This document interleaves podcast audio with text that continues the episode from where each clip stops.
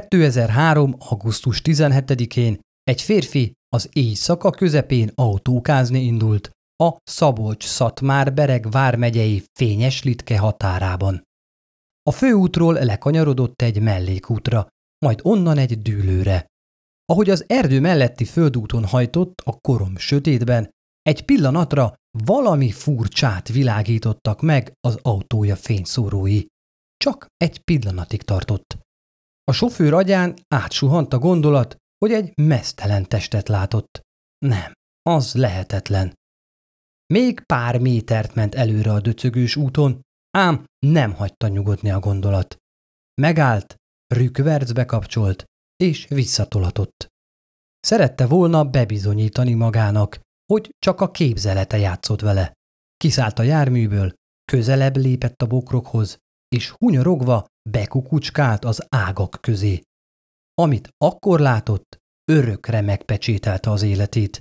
Sikoltott egyet, majd azonnal tárcsázta a rendőrséget. A felfedezés annyira sokkolta, hogy később maga is orvosi ellátásra szorult.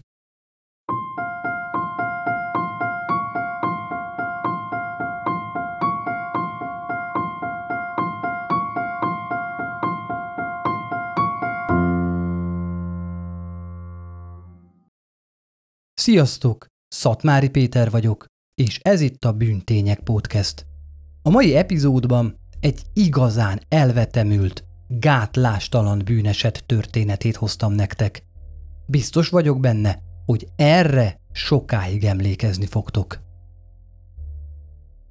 A helyszínre hamarosan megérkeztek a nyomozók, akiknek a munkáját nagyban nehezítette, hogy azon az éjszakán egy halálos közlekedési baleset kivizsgálása mellett egy kiemelt rendezvény biztosítása is a feladatuk volt. Minden esetre azonnal megkezdték a helyszín biztosítását és a nyomok rögzítését. Ám gyorsan kiderült, hogy itt nem egyszerű bűnesetről van szó. Az áldozat egy fiatal lány volt. Mesztelenül feküdt a bokrok között, és nem volt arca az ugyanis szénni égett. A testén emellett több, egyenként is halálos sérülést találtak. Elszállították a helyi igazságügyi orvos szakértőhöz, aki egyéb brutális sérüléseket is megállapított. Még a sokat látott helyszínelőket is megrázta, amikor megtudták, hogy az áldozat nemi szervébe a gyilkosa botot dugott, szemeit pedig kiválta. A több súlyos zúzódás párhuzamosan haladt végig a testen. Ezért arra következtettek, hogy az elkövető több alkalommal is áthajthatott szerencsétlen lányon. Ezek után pedig benzint locsolt rá, főleg az arcára, majd felgyújtotta a maga tehetetlen nőt. Azt sem zárták ki, hogy még élt, amikor bestiális módon megkínozták. A helyszínelés hosszúra nyúlt. Az egyenruhások egészen hajnalig dolgoztak. Természetesen a helyiek körében hamar híre ment, hogy a kisváros határában valami történt. Egyre többen érkeztek a helyszínre, hogy egy-egy lopott pillantás vessenek a nyomozók munkájára. Nem volt megszokott arra felé a bűncselekmény. A sok villogó rendőrautó fénye pedig még jobban felhívta a lakosok figyelmét arra, hogy valami komoly dolog történt a nyári éjszakában. A bámészkodók közül egyszer csak előlépett egy a húszas évei elején járó fiatalember, és intenzíven érdeklődni kezdett, hogy mi is történt. Mikor az egyenruhás arrébb tessékelte, a megszokott nincs itt semmi látnivaló mondattal, a férfi meglepő, sőt, egyenesen gyanús kijelentést tett. Azt kérdezte, akkor miért van ott az a két női láb? Ez még önmagában nem egy hajmeresztő mondat. Ám ha elárulom nektek, hogy onnan, ahol ő állt, nem láthatta, mi van a bokrok között, akkor már egészen más a helyzet. Még maga a rendőr is zavarba jött. És még mielőtt intézkedhetett volna, a fiatal férfi eltűnt a tömegben. A nyomozó osztály vezetőjének említést tettek a fura esetről. Az alezredes megparancsolta, hogy azonnal állítsák elő, ha újra feltűnne. Nem is kellett sokáig várniuk. Pár óra múlva ismét a helyszín körül szimatolt. Ám ekkor már nem volt egyedül. Vele volt egy fiatal lány is, aki kétségbe esetten szaladt oda a rendőrökhöz, és elmondta, hogy a nővérét keresi, akit órák óta nem ér el. Amikor meglátta a helyszínt, felismerte testvére holmiait, és ez alapján már azonosítani is tudták az áldozatot. Iski Beatrix 21 éves volt. Kisvár Dániel szüleivel és két testvérével, Ugával, Szilvivel és bátyjával, Lacival. Kereskedelmi iskolát végzett, majd a szakma megszerzése után bolti eladóként dolgozott. Folyton pörgő, életvidám lány volt. Az emberekkel közvetlen, barátságos. Végül talán ez lett a veszte. Míg a rendőrök egyike a zokogó lányt vigasztalta, a többiek elfogták a gyanúsan tájékozott férfit. Amikor kattant a kezén a bilincs, szinte azonnal mindent bevallott, de úgy nyilatkozott, nem bánta megtettét. A férfi Tóth Bélaként azonosította magát. Neve nem volt ismeretlen a törvény emberei előtt. Régebben saját apjára is vasvillával támadt rá, és egy kábítószerrel kapcsolatos ügyben is érintett volt. A helyiek szerint Béla már gyermekként is furcsa dolgokat művelt.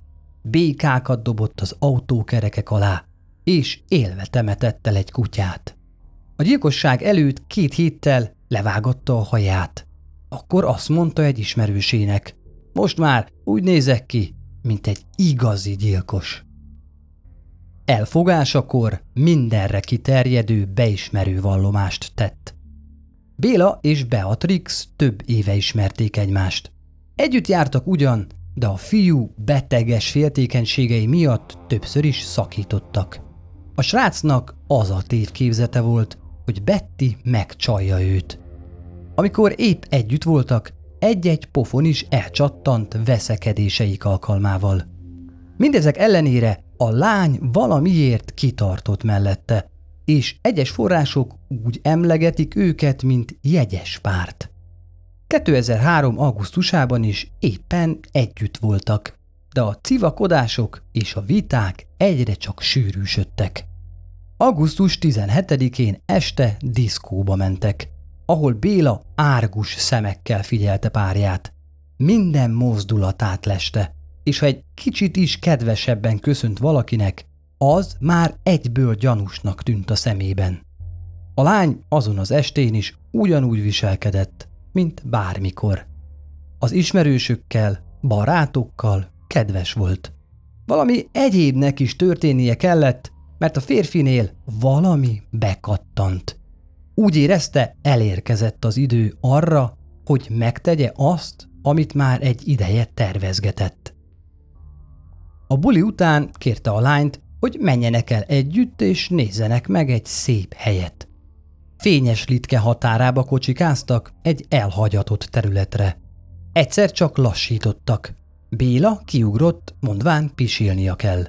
Valami miatt Betty is kiszállt a kocsiból, és ekkor a férfi hirtelen egy tompa tárgyal leütötte a gyanútlan lányt, aki azonnal lerogyott a földre. Ezután párja a fejét, nyakát többször megtaposta, rugdosta. A nagy darab, erős fiú lefogta a gyenge lányt. Szemeit egy faággal kiszúrta, ruháit letépte. Közösülni akart vele ott, de nem sikerült, ezért egy karóval gyalázta meg. Miután végzett, lelocsolta a lány fejét benzinnel, meggyújtotta, majd kocsijával többször keresztül hajtott rajta. Jó pár esetet feldolgoztunk már a Bűntények podcastben, és ez a legszörnyűbbek közé tartozik. Az elsőfokú tárgyaláson a vádlott megtagadta a vallomástételt. Így a büntető tanács az elfogásakor mondottakat vette figyelembe, ami gyakorlatilag egyezett is a vádirattal. Béla elmondta, bizonyos hangok azt sugalták neki, hogy a lány boszorkány, démoni erőkkel rendelkezik, és emiatt el kell pusztítania. A kegyetlen gyilkosság előtt három esetben is megverte Bettit, mert arra gyanakodott, hogy megcsalja és hazudik neki. Az orvos szakértő elmondta, hogy véleménye szerint a szerencsétlen áldozat minden sérülését élve szenvedte el. A vádlott elmondása szerint barátnője szemeit pedig azért szedte ki, hogy a démoni hatalma megszűnjön. Az egész bíróságot megrázták a gyilkosság kegyetlen részletei. Az ügyész nyilatkozatában elmondta, ilyen rendkívüli brutalitással elkövetett bűncselekményt az utóbbi húsz évben nem tárgyaltak. A büntető eljárás során természetesen igazságügyi elmeszakértőt is bevontak. A vizsgálat egyértelműen kimutatta, hogy a férfi kóros, tudathasadásos elmeállapotú, skizofrén. A szakember a tárgyalás során elmondta, hogy Béla a bűncselekmény elkövetésekor nem volt beszámítható állapotban, nem tudta, mit cselekszik. A tárgyaló teremben egyszerre mordult fel mindenki, hiszen pontosan tudták, ez mit is jelent. Ez szerint a vádlottat nem lehet felelősségre vonni. Az ítélethirdetést 2004. februárjában tartották. Senki sem lepődött meg, amikor Bélát felmentették elmebetegségre hivatkozva. Hiába volt egyértelmű a férfi állapota, az ügy mégis közfelháborodást váltott ki. Voltak olyanok, akik egyenesen azzal vádolták a bíróságot, hogy bedőltek a férfi színjátékának. Az csak megjátszotta magát. Béla ezután megkezdte kényszergyógykezelését az igazságügyi megfigyelő és elmegyógyító intézetben. Az ott töltött időről sajnos semmilyen információt sem találtam, így csak feltételezni tudjuk, hogy mi történt az épület falai között. A kezelése valószínűleg hatásosnak bizonyult, és a szakmai bizottság engedélyével pár évvel később szabadon engedték, majd szülei gyámsága alá helyezték. Ha te is Bűntények podcast hallgató vagy, kérlek kövess minket Facebookon és Instagramon. De most térjünk vissza a történethez. Tornyos Pálca főutcájának egyik saroktelkén gondosan rendben tartott családi házál. Itt élt együtt Béla szüleivel, nővérével és nagymamájával. A telken jelenleg is áll egy nagyobb, de be nem fejezett ház. A helyiek azt beszélik, hogy a család Bélának kezdte elépíteni, hogy majd ott alapítson családot. De a 2003-as gyilkosság után ez az építkezés félbe maradt. A család évtizedek óta alma tervesztéssel foglalkozott. Mindenki szerette, becsülte őket. Sok helybéli dolgozott velük. Korrekt, dolgos családnak ismerték meg Tótékat. A 2003-as gyilkosság után sokan suttogtak plegykákat róluk. Az utcára kilépve lesütött szemmel jártak. Ám úgy tűnt, a hosszú évek alatt megkopott a szégyem. Béla hazatérte után viszonylag normálisan éltek a családi házban. A fiúval pedig semmi probléma sem volt. A gyógyszerektől kicsit lassabb volt ugyan, fiatal kora ellenére teljesen megőszült, de úgy tűnt, a légynek sem tudna ártani. Idővel viszont nem akarta szájon át beszedni a pirulákat, ezért inkább havonta egyszer inekcióban kapott orvosságot. Onnantól tudata is sokkal tisztábbnak tűnt, egyáltalán nem látszott furcsának. Szüleinek egyre többet segített a családi gazdaság fenntartásában. Egy idő után a szülői gyámság is megszűnt. Erre az is utal, hogy sok milliós támogatást nyert Béla a fiatal gazdapályázaton. Egyes falubeliek azt sejtették, hogy a gyámság megszüntetéséről kifejezetten a pályázat kedvéért intézkedett a család. Úgy tűnt, hogy a férfi élete úgy, ahogy normális mederben folyik. Ám 2018. január 20-án mindez egy csapásra megváltozott. A csípős téli reggelen Az akkor 36 éves Béla munkásokat vitt tornyos pálcáról családja gyümölcsösébe, majd hazament. Édesanyja reggeliver várta, majd apja is csatlakozott az asztaltársasághoz. Kedélyesen elbeszélgettek, minden nyugodt és békés volt. Semmi sem utalt arra a tragédiára, amely hamarosan bekövetkezett. A vérnyomás problémákkal küzdő 64 éves apa jelezte, hogy kicsit visszafekszik aludni, mert nem érezte túl jól magát. Az édesanyja elpakolt, és kiment a baromfi udvarba, hogy megetesse a csirkéket. Béla a konyhában maradt, és csak mereven nézett maga elé. Nem tudhatjuk, mi játszódott le a fejében, de az események ekkor vettek bajós fordulatot. A férfi üveges tekintettel a konyha szekrényhez lépett, kivette a legnagyobb, 19 centi hosszú pengéjű kést, és lassú léptekkel elindult a szülői hálószoba felé. Belépve a félhomályban ott találta, halkan szuszogva alvó apját.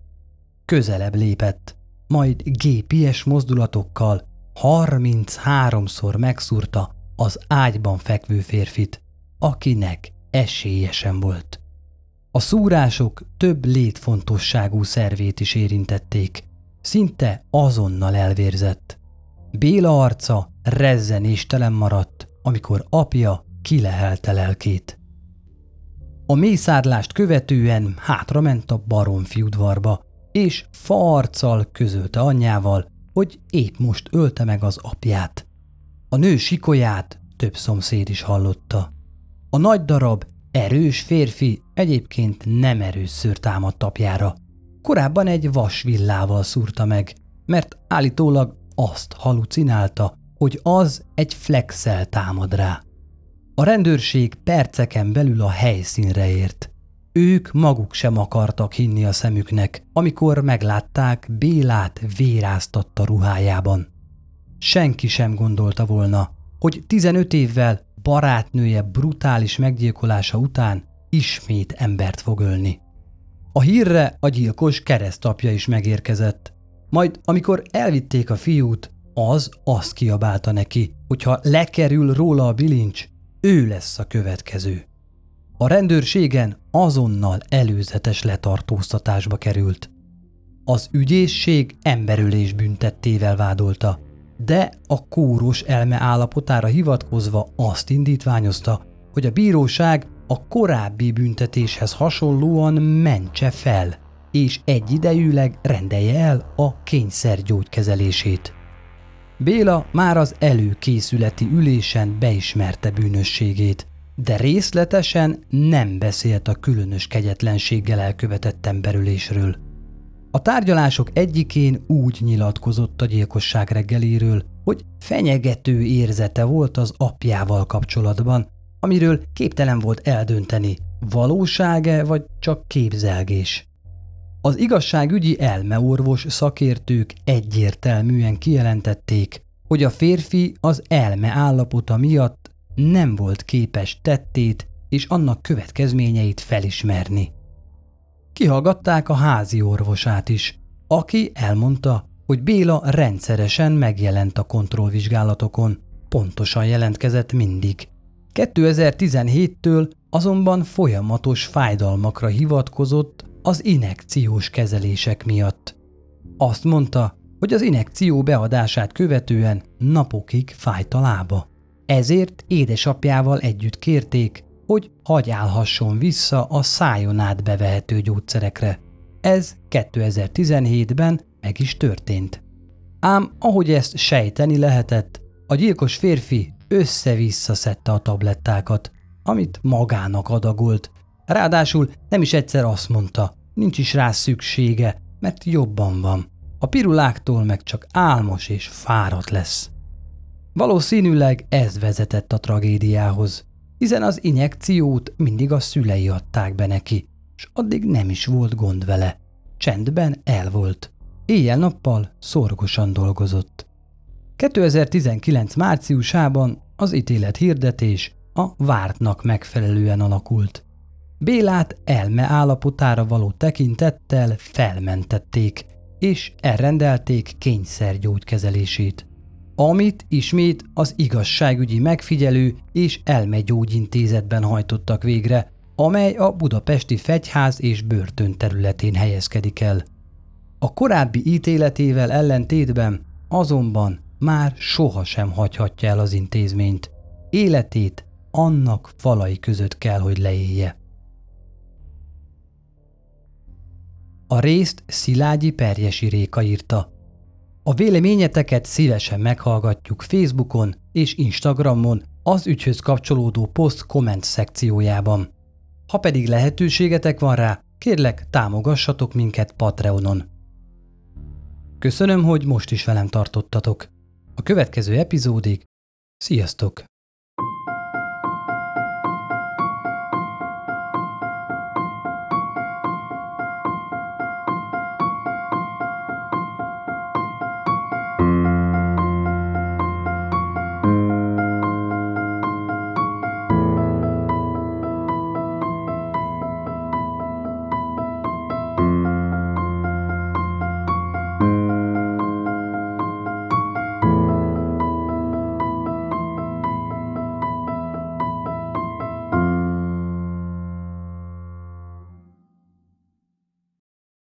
Ha más podcastekre is kíváncsi vagy, hallgassd meg a Béton műsor ajánlóját.